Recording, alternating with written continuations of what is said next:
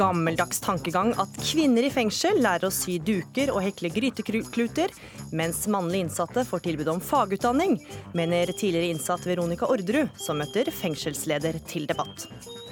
Planlegger du å fly til varmere strøk? Alle vet hvor mye fly forurenser. Da bør du heller bli hjemme, sier filosof. Og hvorfor er det ingen kvinnelige trenere i Eliteserien for menn i fotball? Bare vent, vi kommer, sier en av svært få damer som trener et herrelag. Hei og velkommen til ukeslutt i NRK P1 og P2. Jeg heter Gry Veiby. Den eh, neste timen skal vi få besøk av en av Norges rikeste menn som skal bytte jobb. Johan H. Andresen blir tegneserieredaktør i en uke. Men eh, hvor mye kan han egentlig om tegneserier? Knut Nærum har laga quiz. Men vi starter sendinga med å ta en tur inn bak fengselsmurene.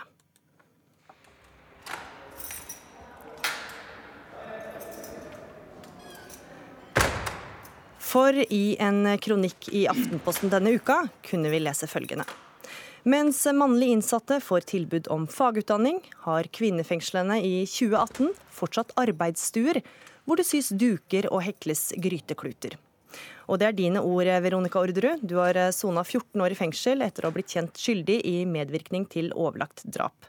Og nå jobber du som miljøterapeut i Frelsesarmeens rusomsorg. Hva slags eh, håndarbeid måtte du gjøre?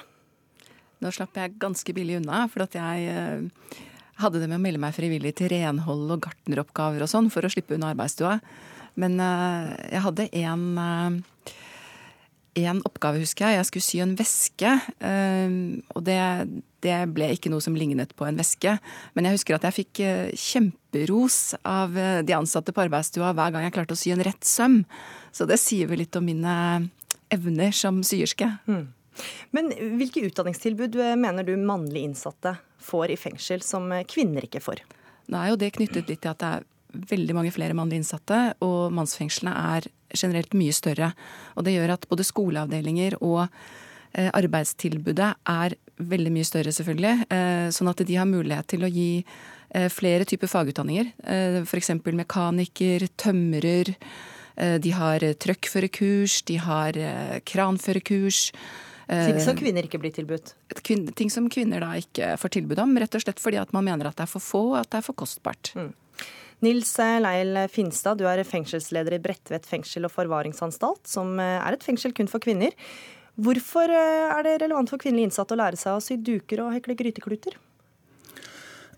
Først og fremst har jeg veldig sterkt behov. Jeg mener det er litt viktig å, å, å nyansere faktum litt.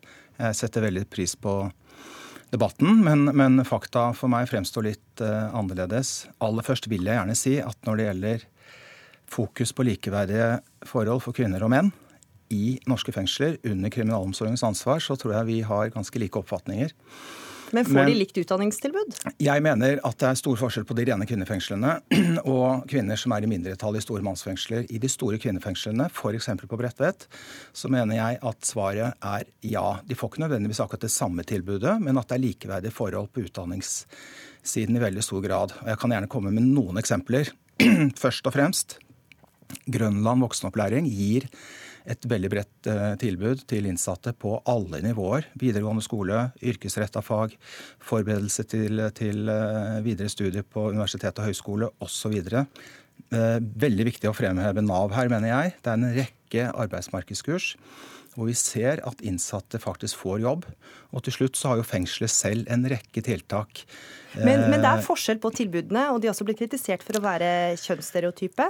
F.eks. i, et, uh, i mannefengsler så kan fange utdanne seg innen teknikk og industriell teknikk, eller bygg- og anleggsteknikk. Hvorfor kan ikke kvinner gjøre det samme? Da tror jeg Veronica Orderud har et poeng her. At uh, kvinner er i mindretall. Det er ca. 6% kvinner. At det er noe av grunnen. Men samtidig så er vi opptatt av å ha et tilbud som er tilpassa det behovet som kvinner faktisk har. Og jeg mener at vi i stor grad treffer ganske godt når det gjelder arbeidsdriften, og det er viktig for meg å si. Vi har ikke noe systue.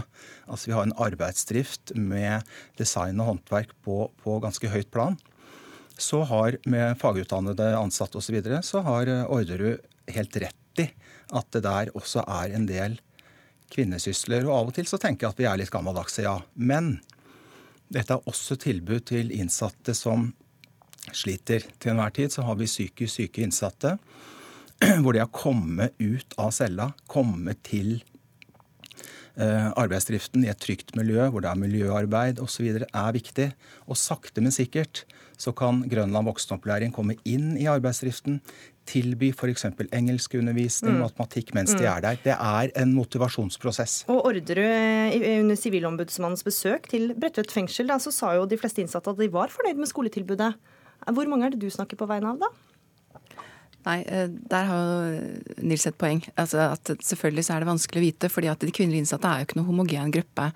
Og mange er veldig ressurssvake i utgangspunktet. De har falt ut av skolen tidlig. Så det er klart at det er en enorm oppgave å kvalifisere disse kvinnene for et lovlydig liv eh, på utsiden, altså i samfunnet for øvrig, når de kommer ut, hvor de kan på en måte bidra til samfunnet, i, til fellesskapet, i likhet med alle andre. Men det må være målet, tenker jeg. Ja, Det må ikke være sånn at vi er fornøyd bare med at de skal få mestringsfølelse og synes det er hyggelig og koselig å være i fengsel. Målet må jo være at de ikke kommer tilbake. Mm. Og at de kan leve som lovlydige borgere og bidra til fellesskapet på lik linje med alle andre. For en ting er at det er færre kvinnelige innsatte, men de har jo rett på eh, likt tilbud som de mannlige innsatte. Stiller man for lav krav til de kvinnelige innsatte når det å sy og strikke er på en måte Du skal mestre det? Nei, Jeg tror igjen det er viktig med et, et, en individuelt tilpasset straffegjennomføring med et, med et for, tilbud som passer den enkelte der de er i livet. Men jeg er veldig enig i mye av det Veronica sier nå. og Jeg mener jo at likeverdige forhold for kvinner og menn under kriminalomsorgens ansvar, det er målet. Og vi er ikke i mål. Nei, og dere... der er dere enige. Men hva er det du etterlyser helt konkret da, Veronica? Hvilke, Veronica hvilke, hvilke utdanninger ville du hatt? Nei, Det har heldigvis skjedd veldig mye siden jeg eh, forlot Bredtvet, og det er jeg kjempeglad for. Og jeg liker jo å tro at det at jeg og andre har bidratt til å sette lys på forskjellene, har gjort at det har skjedd noe. Uh, og, men uh, jeg syns det er flott at man får mulighet til fagutdanninger f.eks. som frisør, f.eks. som uh, lagermedarbeider, butikkmedarbeider. Jeg mener for all del ikke at folk nødvendigvis må ta studiekompetanse eller bli akademikere, men at de skal få mulighet til å få seg en jobb når de forlater fengselet, og kunne leve et skikkelig liv og bidra. Det tror jeg alle ønsker seg. Hvor gode muligheter har man for å få jobb etter å sone i kvinnefengsel? Da kan jeg nevne et par eksempler. for her tror jeg Vi også, vi snakker jo litt samme språk her, men f.eks. så tilbyr altså Nav et truckførerkurs, liftførerkurs. Det er jo og det kan kvinner i norske fengsler ta, selv om det kanskje bare er én person som ønsker å ta det. Flere kvinner på Bredtvet har fått det kurset, mm. de får kompetansebevis. Vi har eksempler på at de har fått jobb. På Bredtvet nå så er det altså en frisørutdanning det er ikke et kurs, det er full utdanning. Vi utdanner fullver fullverdige frisører med, med, med praksis osv. Mm. Det er eh, en helt ny frisørsalong. Jeg tenker det er et lite eksempel på at vi lever i tiden. Men vi har en vei å gå i forhold til andre ting. Og der håper jeg Veronica Orderud blir med videre. Likeverdige forhold for kvinner i forhold til de mest eh, ressurssvake. Vi har ikke en overgangsbolig, f.eks. Vi trenger et nytt, moderne kvinnefengsel. Og der har vi en strategi fra Kriminalomsorgsdirektoratet som setter fokus på dette. Mm. Nils Eil Finstad, fengselsleder i Bredtvet fengsel og forvaringsanstalt, takk for at du var med i Ukeslutt. Takk, takk også til deg, Veronica Orderud. Denne uka ble stillinga som bare har kongen over seg i rang, ledig. På torsdag trakk Olemic Thommessen seg som stortingspresident etter at byggeskandalen på Stortinget har gått fra vondt til verre. Prosjektet, som skulle kosta i overkant av 1 milliard kroner, har så langt kosta 2,3 milliarder. Ukeslutt har spurt folk på gata hvem de vil ha som stortingspresident. Det er ikke så lett å svare på, men kanskje en fra næringslivet. Helge Lund. Nest etter kongen, ikke sant. Kanskje um, Ulrikke Falk. Og så er det jo nestkommanderende, eller hva blir det, nest mest mektige person i Norge etter kongen. Jens Stoltenberg, kanskje. Mormor, kanskje? Jeg har fått beskjed at, uh, om at uh, Kristelig Folkeparti har trukket sin støtte til meg som stortingspresident. Og jeg vil selvfølgelig derfor gå, av som, de, gå av i den rollen.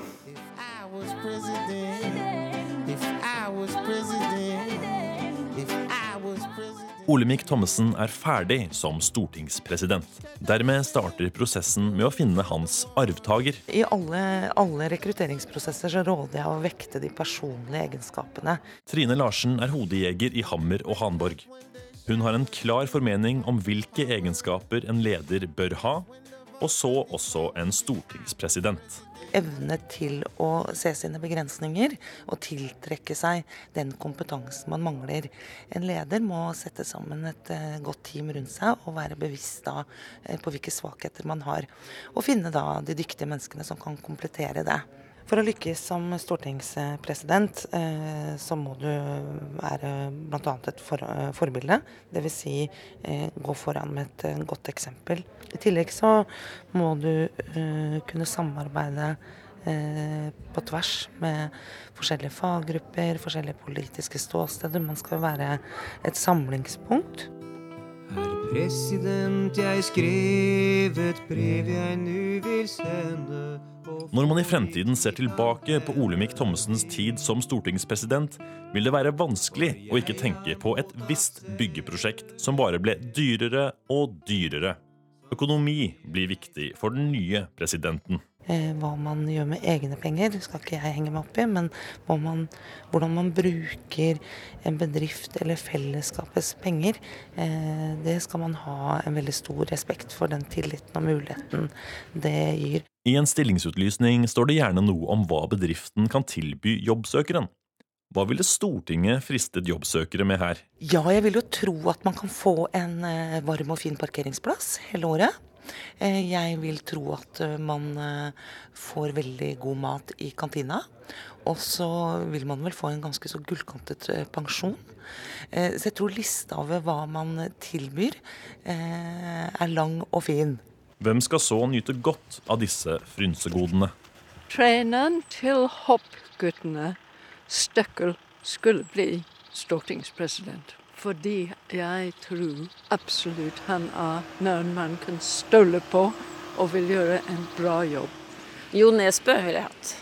Han syns jeg har litt friske synspunkter på ting. Jeg vet ikke. Det må bli eh, kanskje Morten Harket eller noe.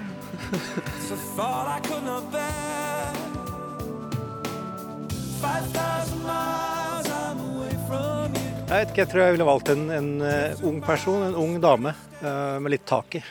Som vet hvor skapet skal stå. Og dette innslaget var laget av Andreas Hagen Haakonsen og Natalie Kristiansen. Og til tross for mange spreke forslag fra folk flest, det er Høyre som skal finne en ny kandidat til vervet, uh, som de nå håper at de kan presentere til uka. Europas lengste hundeløp er blitt enda tøffere og lengre. 1232 utålmodige hunder og 129 hundekjørere skal kjempe seg gjennom rå og værhard finnmarksnatur.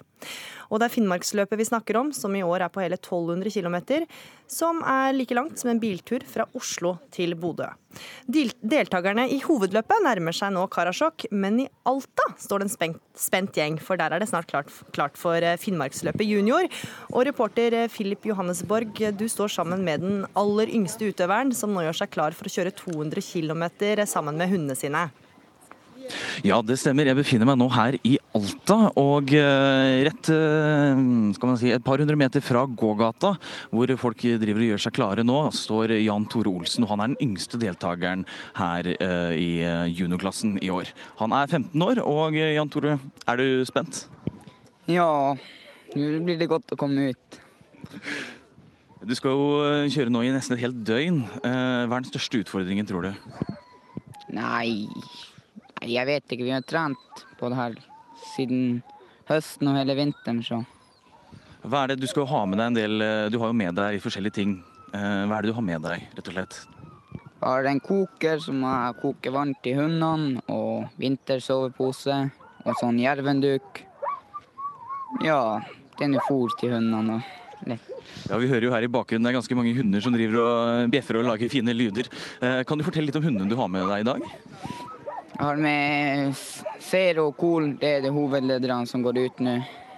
Ut starten. Så det tror jeg blir bra.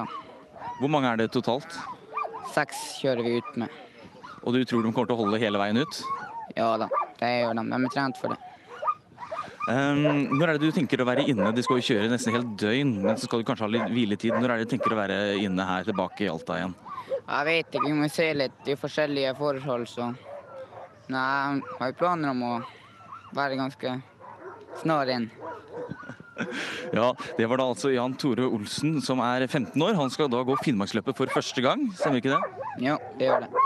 Og eh, han eh, gjør seg nå klar til å kjøre ut. Han skal kjøre ut om eh, nærmere ti minutter sånn cirka.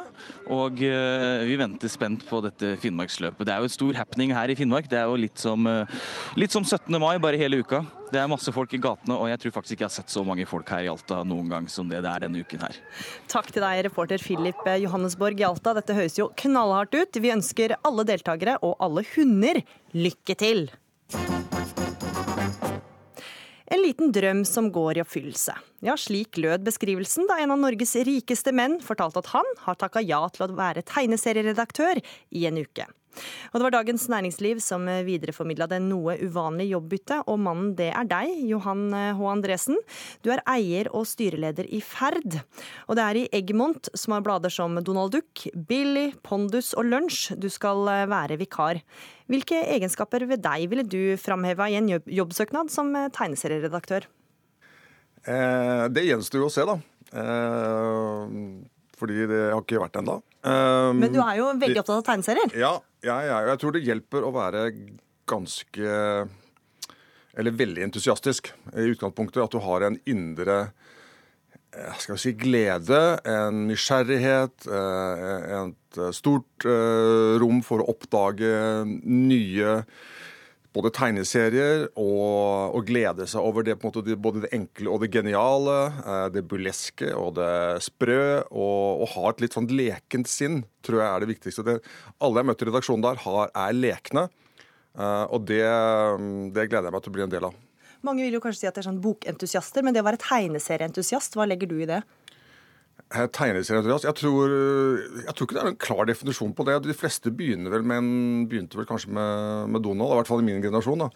Eh, og gikk videre til Fantomen og Lynvingen og Sølvpilen og, og sånn etter hvert. Og så kanskje man reiste litt og oppdaget andre eh, i andre himmelstrøk. Eh, Mange av oss er jo da svorne fans av en del fransk-belgiske tradisjoner. ikke sant? Kanskje begynte med Asterix Obelix og Løkkeluk og Tintin og sånn. Og gikk over til, eh, til andre mer, nesten mer kunstneriske og futuristiske og ja, fantasiting. Um, så jeg tror det den derre å hele tiden være klar for nye ting. Um, og ikke man kan, Noen samler jo. Noen Mm. samler jo liksom fra nummer fra, fra tidenes morgen, uh, og de er også entusiaster. Um, men uh, jeg har kanskje mest til felles med de som hele tiden syns det er stas med noe, med noe nytt. Samler dere ikke sjøl? Nei, nei, jeg gjør faktisk ikke det. Eh, Jeg leser. Mange har kanskje lest tegneserien Lunsj, som foregår i et åpent kontorlandskap, der dagene går med til meningsløse møter, kverulante kollegaer og printere som ikke funker. Og det skal sies at du er Lunsj sin høye beskytter, du følger med og engasjerer deg i serien. Men det mange kanskje ikke vet, er at du er modell for en av figurene der, nemlig Anders H. Johansen jr. Hvordan vil du beskrive ditt alter ego? Eh, ja, han er ganske Virker som en ganske kynisk kar, faktisk. um, er ikke så flatterende bilde, eller? Nei, ikke deg? veldig. Um, men det, altså, det mest flatterende er jo å bli tegnet inn i det hele tatt. Eh, Mhm. så det får man ta med, med stor ro. Eh, eh, Anders H. Johansen, da, som det er jo, det blir jo mitt uh, JHA i motsatt rekkefølge. Eh, han kommer ofte inn og skal forklare et eller annet fenomen. Eh, sist så var det da cryptocurrencies, eller bitcoin, hvordan de fungerte. Eh, Kjell fikk ikke helt med seg det, så han tapte masse penger.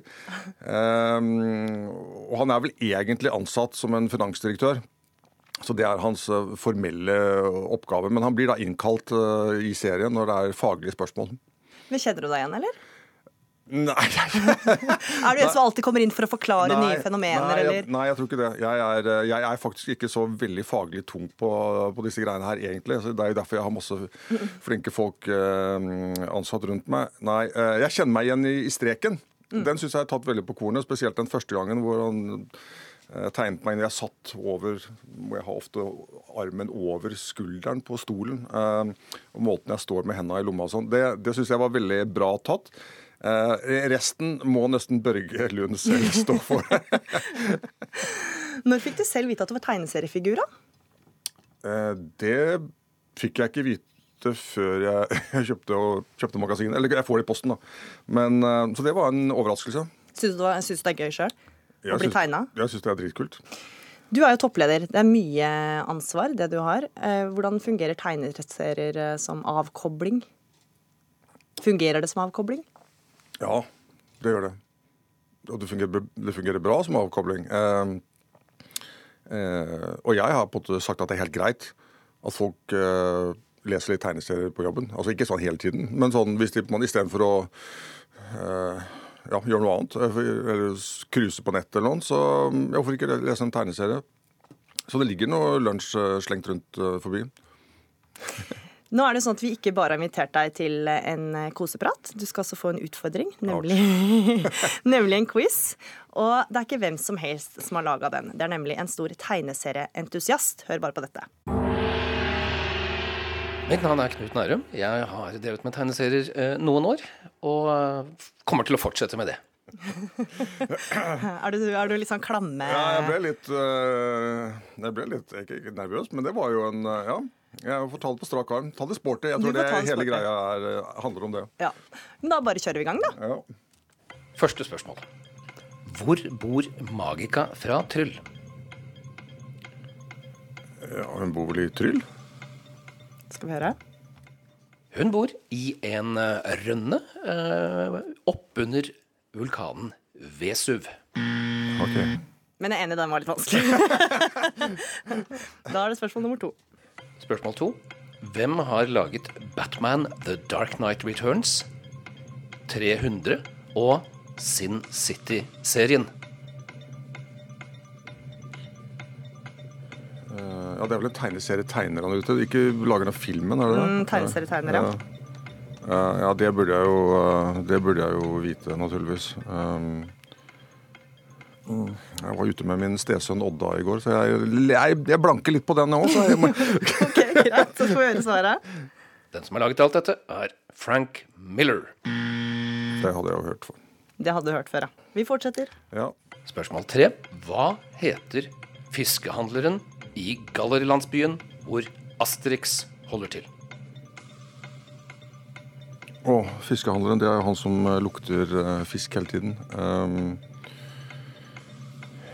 ja, det nå, nå, begynner jeg, nå, begynner jeg, å skamme meg litt her. Knytta til oppvaring. Begynner på Hermetix.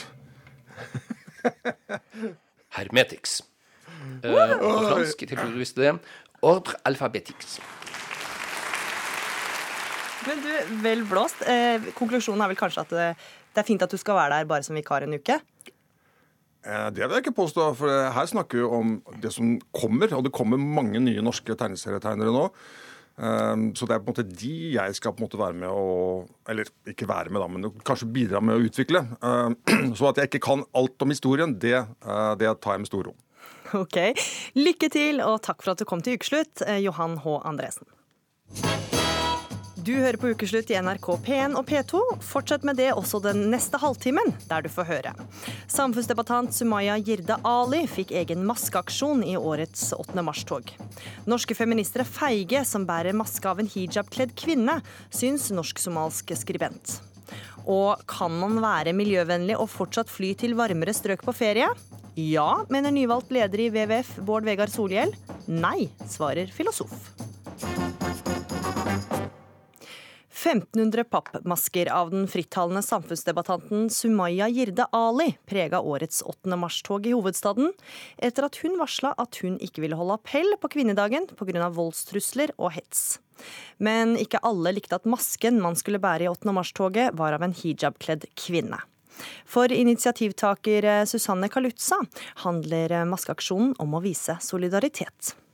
Jeg tror at ganske mange kommer til å ha senebetennelse i morgen. For det var først når jeg så de boksene at jeg skjønte hvor mange 1500 er. Klokka er to, og samfunnsdebattant Susanne Kalusa skjønner at hvis hun skal rekke 8. mars-toget, så trenger hun hjelp. NB, ta gjerne med saks og teip.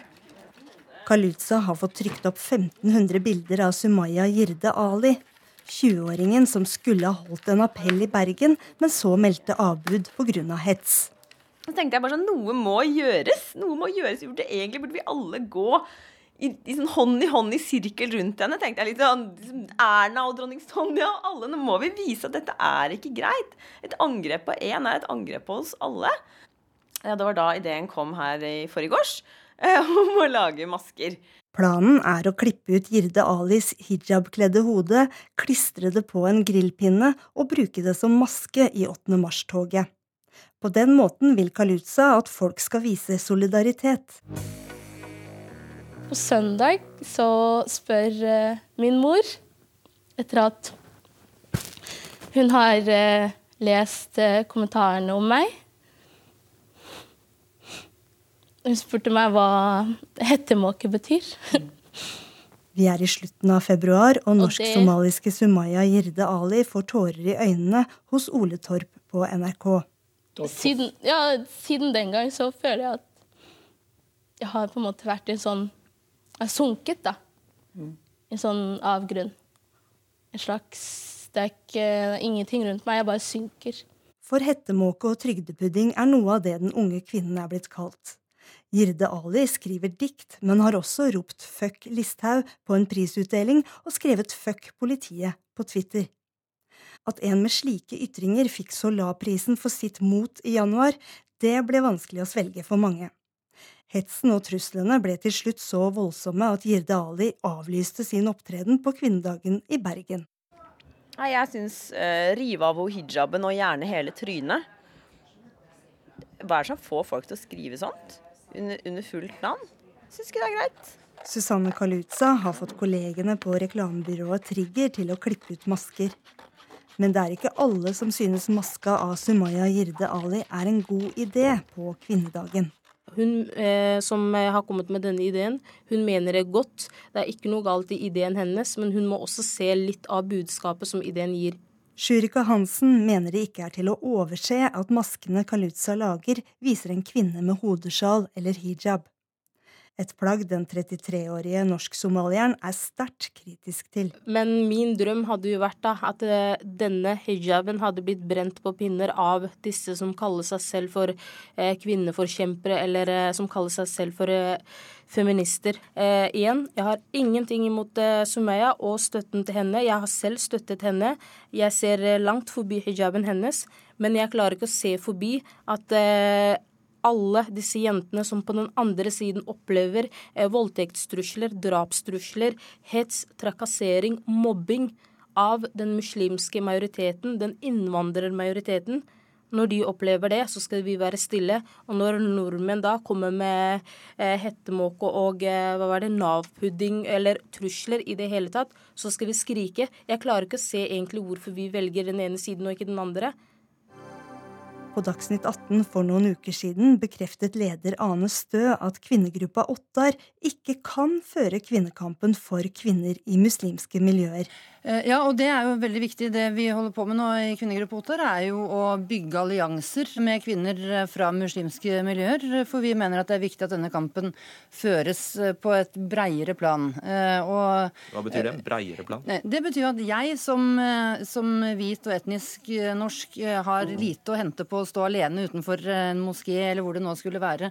Men en allianse med motdebattant Sjurika Hansen var Stø ikke interessert i. Jeg ønsker gjerne å bygge allianser med folk som utøver kritikk av islam. Jeg ønsker ikke å bygge allianser eh, med folk som eh, går i retning av eh, muslimfiendtlighet, slik du er på god vei til å gjøre. Jeg kaller dem feige rett og slett fordi de kommer aldri i verden til å ta kampen mot muslimske mørkemenn. De kommer aldri til å gå inn i innvandrermiljøets ordentlige problemer. De kommer alltid til å være feige. Den ene hovedgrunnen til at jeg lager maske på, med Sumaya eh, til 8. mars, er fordi hun helt konkret skulle holde appell på 8. mars, eh, og var nødt til å trekke seg eh, fordi hun blei så redd fordi hun mottok drapstrusler og voldstrusler. Susanne Kaluza mener Shurika Hansen ikke kan tolke maskeaksjonen for Jirde Ali som noe annet enn motstand mot vold og trusler. Og, og du, du, trenger ikke å, støtte bruk av hijab, du trenger ikke å støtte eh, SVs politikk eller FrPs politikk eller Høyres politikk, men jeg håper vi alle kan enes om at trusler om vold som svar på en ytring ikke er greit. Vi har ytringsfrihet, men både oss hvis vi bruker den feil. Plutselig står hun der. Vårt ytringsrom er lite, Lenge så det ut til at det skulle bli med maskene, men Sumaya Jirde Ali holder appellen sin i Bergen likevel.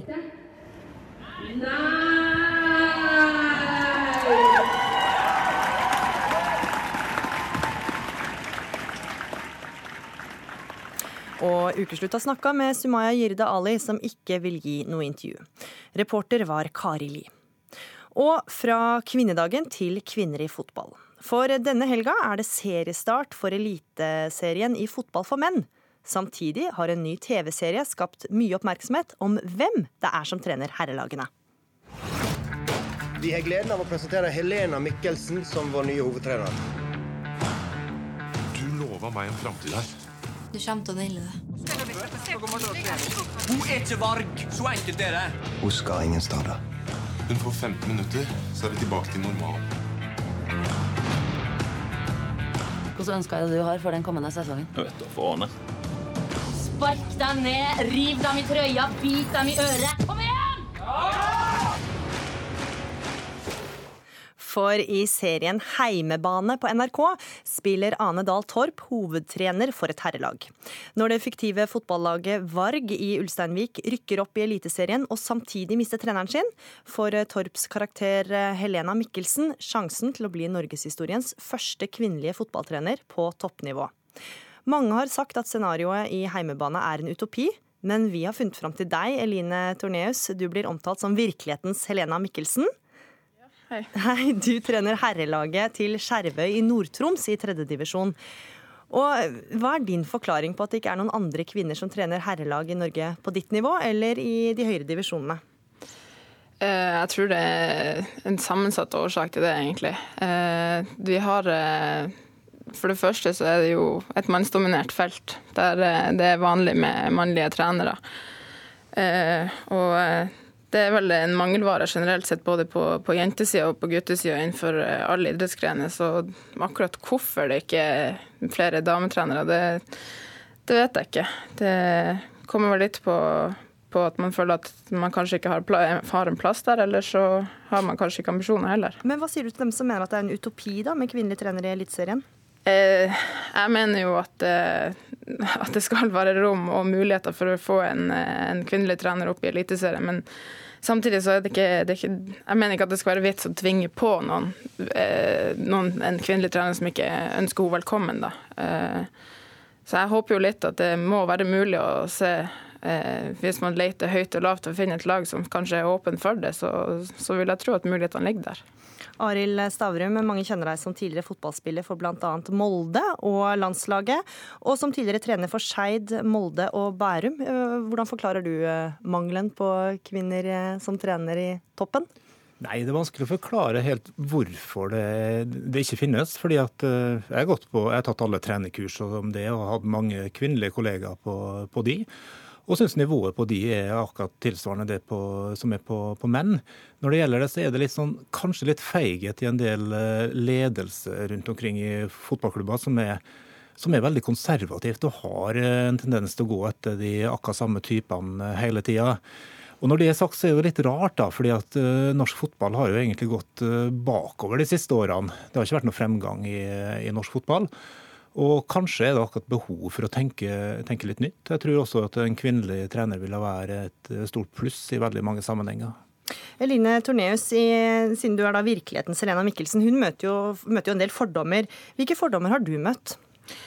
Eh, akkurat i den gruppa som jeg trener nå, så har jeg, må jeg si at jeg ikke har møtt noen fordommer, fordommer i det hele tatt. Eh, men eh, jeg har jo hatt mine diskusjoner opp gjennom karrieren min om forhold til folk som ønsker å sammenligne kvinnefotball og herrefotball. Eh, men det går mer på kvaliteten på jentefotball enn det, går på trenere. Så eh, jeg mener jo også at en, en kvinnelig trener og en mannlig trener de, de har de samme, de samme faglige kunnskapene og de samme erfaringene. Så, Så du føler deg godt mottatt? jeg føler meg veldig godt mottatt. Stavrum, eh, hvilke reaksjoner ville komme, tror du, hvis det hadde kommet en kvinne i toppen i Eliteserien? Jeg kan eh, først og fremst snakke som gammel fotballspiller. da, og, og inn i en eh, fotballgarderobe så tror jeg det her ville gått veldig bra. Så, eh, fordi at som fotballspiller så er man opptatt av et par ting. Og det er å, å bli bedre, og en er opptatt av å bli, eh, at laget skal vinne. Og hvis det kommer inn en, en trener så blir han eller hun veldig fort målt på om hun eller han kan tilføre noe. Men nå snakker du som en eh, voksen mann. Ville du sagt det samme med hånda på hjertet som 18-åring i garderoben hvis det hadde kommet inn en dame? Jeg ville utelukkende hatt fokus på om hun som kom inn, kunne gjøre meg til en bedre fotballspiller og hjelpe laget til å vinne. Og Sånn tror jeg de aller fleste fotballspillere innerst inne tenker. De bryr seg ikke om hvem treneren egentlig er, men kan hun hjelpe meg til å bli, til å bli bedre? Og så er det mange faktorer i fotball. altså det er, det er psykologien i bildet, det er trivsel.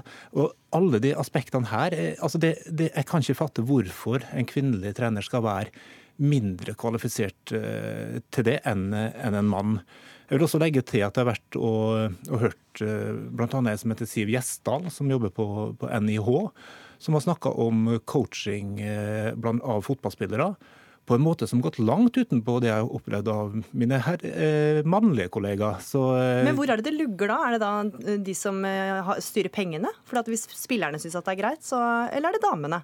Jeg, jeg tror det går på ledelse. Jeg tror det går på en litt uh, feighet mot å, å, gjøre noe som uh, karakteriseres som nytt. At det er tryggere å ta et gammelt, traust navn som de vet hva står for, og så, i stedet for å tenke, tenke helt nytt. Så jeg, jeg håper og tror at det, at det, her er noe som vil skje i løpet av de neste åra, og at det går kun på å få et innovativt styre som tenker at det her er den rette veien å gå. For det tror jeg absolutt det kan være. Er du enig i det, Tornes, at det er på toppen det lugger? Eh, jo, det er jeg faktisk veldig enig i. Eh, jeg har jo vært spiller sjøl også. Det, det som jeg finner fellestrekk hos samtlige spillere, enten det er jenter eller gutter, det er at de alle er tilpasningsdyktige det eneste vi, det, det vi, ønsker som spiller, det er å få spilletid og på en måte vise oss frem og ha det gøy på banen. Mm. Og eh, du, Får du en kvinnelig trener, så, så, tror jeg de aller fleste utøverne er, er såpass oppegående så at de finner ut at ok, da må jeg tilpasse meg til sånn som hun legger opp øktene, legger opp kamphverdagen osv. Mm. Vi skal høre hva tidligere landslagstrener for Norge, nå landslagstrener for Danmark, Åge Hareide, svarte på spørsmål om når han tror det kommer en kvinnelig trener i Eliteserien. Det er helt umulig for meg å se. Det blir utrolig vanskelig spørsmål å svare på. Eh, det er, som sagt så må det styret i den klubben være åpne for at det blir en voldsom oppmerksomhet, og, og, men kanskje en spennende oppmerksomhet også. For det er noe nytt, og, og alt skal prøves. Nå setter jo denne serien dette her på dagsordenen. Mange har faktisk løfta fram dette her nå. Kan det være med å fremskynde at vi får et dame? Det kan det være. Altså, det er jo Sette oppmerksomhet på, på roller. Det, det er en vanskelig rolle å være fotballtrener. Det er noen spesielle egenskaper du skal ha. Og jeg er helt sikker på at jentene også har det inne, ikke bare, ikke bare menn. Ja, Torneus, når ser vi deg som trener i Eliteserien? Eh, det var et vanskelig spørsmål, du. Eh, jeg er ganske i starten av min trenerkarriere, så akkurat nå så holder jeg på å finne ut om, om det her er noe for meg. Men, eh, men har du lyst, da? Ja, selvfølgelig har jeg lyst til det. Det er noe vi er inne på her nå i forhold til utfordringer. Man får utfordringer uansett hva slags trenerhverdag man har. Så man må egentlig bare takle dem sånn som de kommer. Og det, det, er jeg innstilt på, i hvert fall. Da ser vi deg kanskje snart i Eliteserien. Takk for at du var med i Ukeslutt, Eline Torneus, trener for tredjedivisjonsklubben Skjervøy, og Arild Stavrum, tidligere fotballspiller og trener. Bård Vegar Solhjell, gratulerer med ny jobb. Takk for det. Du har hatt din første uke som leder i Verdens naturfond, WWF. Mange kjenner deg som tidligere nestleder i SV. Du har også vært kunnskapsminister, miljøvernminister og stortingsrepresentant. Miljøutfordringene er de mest kritiske verden står eh, overfor akkurat nå, har du sagt. Samtidig kunne vi lese i et portrettintervju med deg i Aftenposten at du kjører stor bil, riktignok plug-in hybrid. Du har masse sportsutstyr, og du flyr. Hvordan rimer det med miljøengasjementet ditt? Altså, Jeg tror ikke sportsutstyr er så veldig miljøskadelig nødvendigvis. Men eh, jeg flyr en god del, det er riktig. I, uh, i jobben min, både den forrige, og uh, gjorde det, og jeg kommer til å gjøre det uh, i den nåværende. Og, og jeg gjør jeg, jeg, jeg, sånn, jeg, flyr så lite som mulig, men så mye som nødvendig. Og jeg mener egentlig man skal gjøre det med, uten dårlig samvittighet. Så, så det rimer godt med miljøengasjementet ditt? La meg forklare. Jeg tror at Hvis vi legger det personlige ansvaret på alle oss til å slutte med, eh, med fly som det viktigste virkemidlet, så tror jeg det er noen andre som slipper altfor billig unna, nemlig de som har et hovedansvar. Det er flyselskaper som har interesse av at vi flyr mer, eh, produsenter av drivstoff, reiselivsnæring alle, og ikke minst politiske myndigheter. Det er politiske vedtak og prosesser i næringslivet videre som betyr mest. Om vi bygger nye rullebaner, prisen vi setter på avgifter, eh, om, vi, eh, om vi klarer på andre måter å sette mål for å holde flytrafikken nede og drive den ned som er nødvendig. Solhjell, du skal få et eh, ja-nei-spørsmål, men først skal vi ta og borde flyet.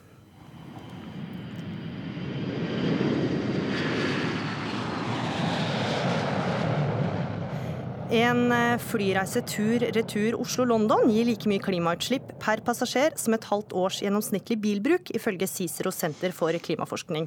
Og her kommer da ja-nei-spørsmålet ditt. Bør vi slutte å dra på helgetur til London, eh, Solhjell? Nei, jeg syns at folk skal ta det valget sjøl, og jeg skal ikke ha dårlig samvittighet for det. Eh, Men man kan godt tenke gjennom eh, flyforbruket sitt, Så og ikke fly unødvendig. Svaret er nei. Arne Johan Vetlesen, filosof. eh, Du skrev nylig en kronikk om det moralske ansvaret hver enkelt av oss eh, har om å ikke fly. Bør vi slutte å dra på helgetur til London? Ja. Hvilket ansvar har hver enkelt av oss?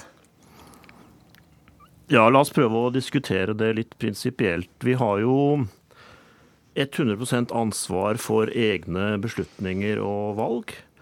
Også da for eh, den handlingen det er å velge å fly. Eh, Nå er det selvfølgelig slik at eh, fort så blir det snakk om at min flytur, det at jeg flyr, eh, det er betydningsløst. Og Sånn sett så føler jeg meg utskiftbar og anonym i det store bildet. Men det er en veldig farlig logikk å gå inn på og tenke på den måten, fordi at vi har aldri noe annet å svare for enn hva vi selv gjør, og det gjelder jo for hver og en. Og så tenker jeg også på det som eh, Solhjell nevnte med at han vil da ikke ha fokuset på et personlig ansvar, men han vil eh, skyve fokuset over på de som er eh, produsenter av drivstoff, flyselskaper og de politiske myndighetene. Og da kan vi jo si at De er jo på tilbudssiden. De gjør jo at vi får lyst til å reise fordi at de annonserer. Det er blitt veldig billig å fly for nordmenn, sånn at vi gjør dobbelt så mye av det for ti år siden osv. Men det er jo ikke helt logisk, fordi at hvis det ikke hadde vært en etterspørsel, som er den vi som så mange privatpersoner, konsumenter, står for, så hadde jo ikke flyene kommet av eh, bakken. ikke sant? Så, så den, eh, det som er tilbudet her, og det som gjør at dette kan lønne seg også kommersielt for de som driver med det, det er jo at vi fortsetter å fly. Og vi har jo da et ansvar for å slutte med det. Mm. Solhjell? Altså jeg eh, og tenker gjennom alle mine valg når det gjelder alt fra hvordan jeg varmer opp oljen til transport og andre ting. Mange gjør det. Men miljøproblemene og klimaproblemet er et stort globalt fellesproblem. Men, det men, men kan- Solhjell, hvorfor, hvorfor sorterer vi søppel og slår av lyset når vi går ut av rommet, om det ikke er tegn på at hver enkelt har et ansvar? at, at vi tar eh, valg enkeltvis. Men det som gjør at vi i Norge er flinke til å samle inn plastposer og andre ting, er jo at vi har lagd fellesløsninger for det.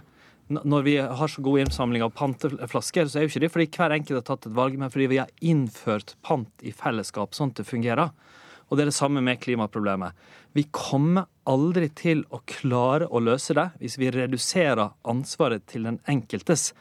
Og jeg tror faktisk at det er viktigere at vi bruker det personlige ansvaret til å legge trykk på myndigheter, løsninger, melde seg inn i organisasjoner, stemme på partier, kreve ting av flyselskaper og andre som fører til kollektiv handling. Men vil man ikke legge trykk på dem hvis man slutter å fly? Hvis, hvis, hvis prisen på flyreiser går opp, så vil mange av oss respondere på det, og fly, antallet flyturer vil gå ned. Hvis en enkeltperson tar et annet valg, føler skam og dårlig samvittighet for det, så er effekten mye mindre. Så ja til et personlig ansvar, men på måter som skaper felles og kollektiv endring. Vetlesen, det er jo politikerne som tar, skal se de lange linjene her, og kan bidra til at flytrafikken går ned, enn at bare du og jeg og Solhjell f.eks. nekter å fly. Vi har hver og en et ansvar for å se de lange linjene og konsekvensene av det vi gjør. Og med den kunnskapen vi har om hvor skadelig det er å fly, så kan vi tenke oss at hvis våre barnebarn spør oss hvorfor fortsatte du å fly så mye etter du hadde kunnskapen om hvor skadelig det var, Eh, Og Da kan de fort få et inntrykk av at eh, vi synes ikke det var alvorlig nok. Vi synes ikke det var viktig nok med denne skaden. Eh, Og Det som gjorde det mulig for oss å fortsette med å fly, til tross for eh, kunnskapen om skadevirkningene, det er jo at vi gjorde det som Solhjell anbefaler at vi skal Nei. fortsette med å gjøre. eh, Nemlig at vi skal vente på gode fellesløsninger. Og det er egentlig bare å, å hele tiden utsette nødvendige endringer. Jeg mener ikke at dette er et enten-eller-spørsmål. Eh, Det har også med system å gjøre, det har med kommersielle aktører, det har med politiske myndigheter og partier å gjøre. Det er allerede sagt, så det er ikke noe enten-eller. Men hvis vi først skal snakke om et personlig ansvar, så er det et personlig ansvar. Ja takk, begge deler. Hvorfor ikke det, Solhjell? Jeg er helt enig i det. Det er det jeg argumenterer for. Vi har et ansvar, men vi må bruke det til de endringene som effektivt fører til endring. Og Derfor anbefaler jeg å handle. At vi krever endring, at vi jobber politisk for å gjøre vedtak som faktisk sørger for at mange mennesker flyr mindre. At vi lar være å bygge ny rullebane, som drive opp etterspørselen. Det er de tingene som har størst effekt. Og jeg tror at en generasjon mennesker skal gå rundt og ha dårlig samvittighet og bruke det som drivkraft, det tror jeg fungerer veldig dårlig. Jeg tror det er at kunnskapen om hvor viktig klimaendringene er, at vi må ha ned flytrafikken, biltrafikken, og andre tingene, og viljen til å drive fram politisk endring som vil føre til resultater. Det, vi er enige om analysen, men ikke Hva om vil hva du som si virker. til alle dem, Nå nærmer det seg jo påske. Hva vil du si til alle dem som holder på å betale for sydentur til varmere strøk? Bør du gjøre det? Jeg, jeg tror det er feil å moralisere eller prøve å, gå løs på alle enkeltmenneskers valg. Derimot så er jeg opptatt av å skape endringer som gjør at det blir mindre flytrafikk, og at andre alternativer som er bedre, blir billigere, og at færre Og derfor blir færre flyturer. Mm. Det er viktigere enn å snakke til enkeltmennesker om deres valg i hverdagen. Hva vil du si til dem da, Vetlesen? Jeg tenker det at vi eh, har eh, den kunnskapen som trengs for å gjøre alt hva vi kan for å slutte med dette. Og det nytter ikke på den ene side å mene at det er egentlig uheldig at det åpnes stadig nye rullebaner, når man samtidig er med på å ha den eh, etterspørselen som gjør at flyselskapene finner det nødvendig å åpne nye rullebaner. Så de man- som skal bestille sydentur nå til varmere strøk i påskeferien, hva sier du til dem? Nei, de kan bli hjemme. Men syns du Vettlesen, at vi òg skal slutte å fly i jobben for å besøke familien, lignende ting? Vi må i hvert fall redusere det mest mulig, men jeg tenker at vi skal begynne med å slutte å fly langt av gårde for rene ferieformål. Det er en uting. Filosof Arne Johan Vetlesen og ny leder i WWF, Bård Vegar Solhjell, takk for at dere var med i Ukeslutt. Ukeslutt er slutt. Ansvarlig for sendinga var Andrea Kvamma Hagen. Teknisk ansvarlig Hilde Tosterud. Og her i studio var Gry Veiby, som takker for følget.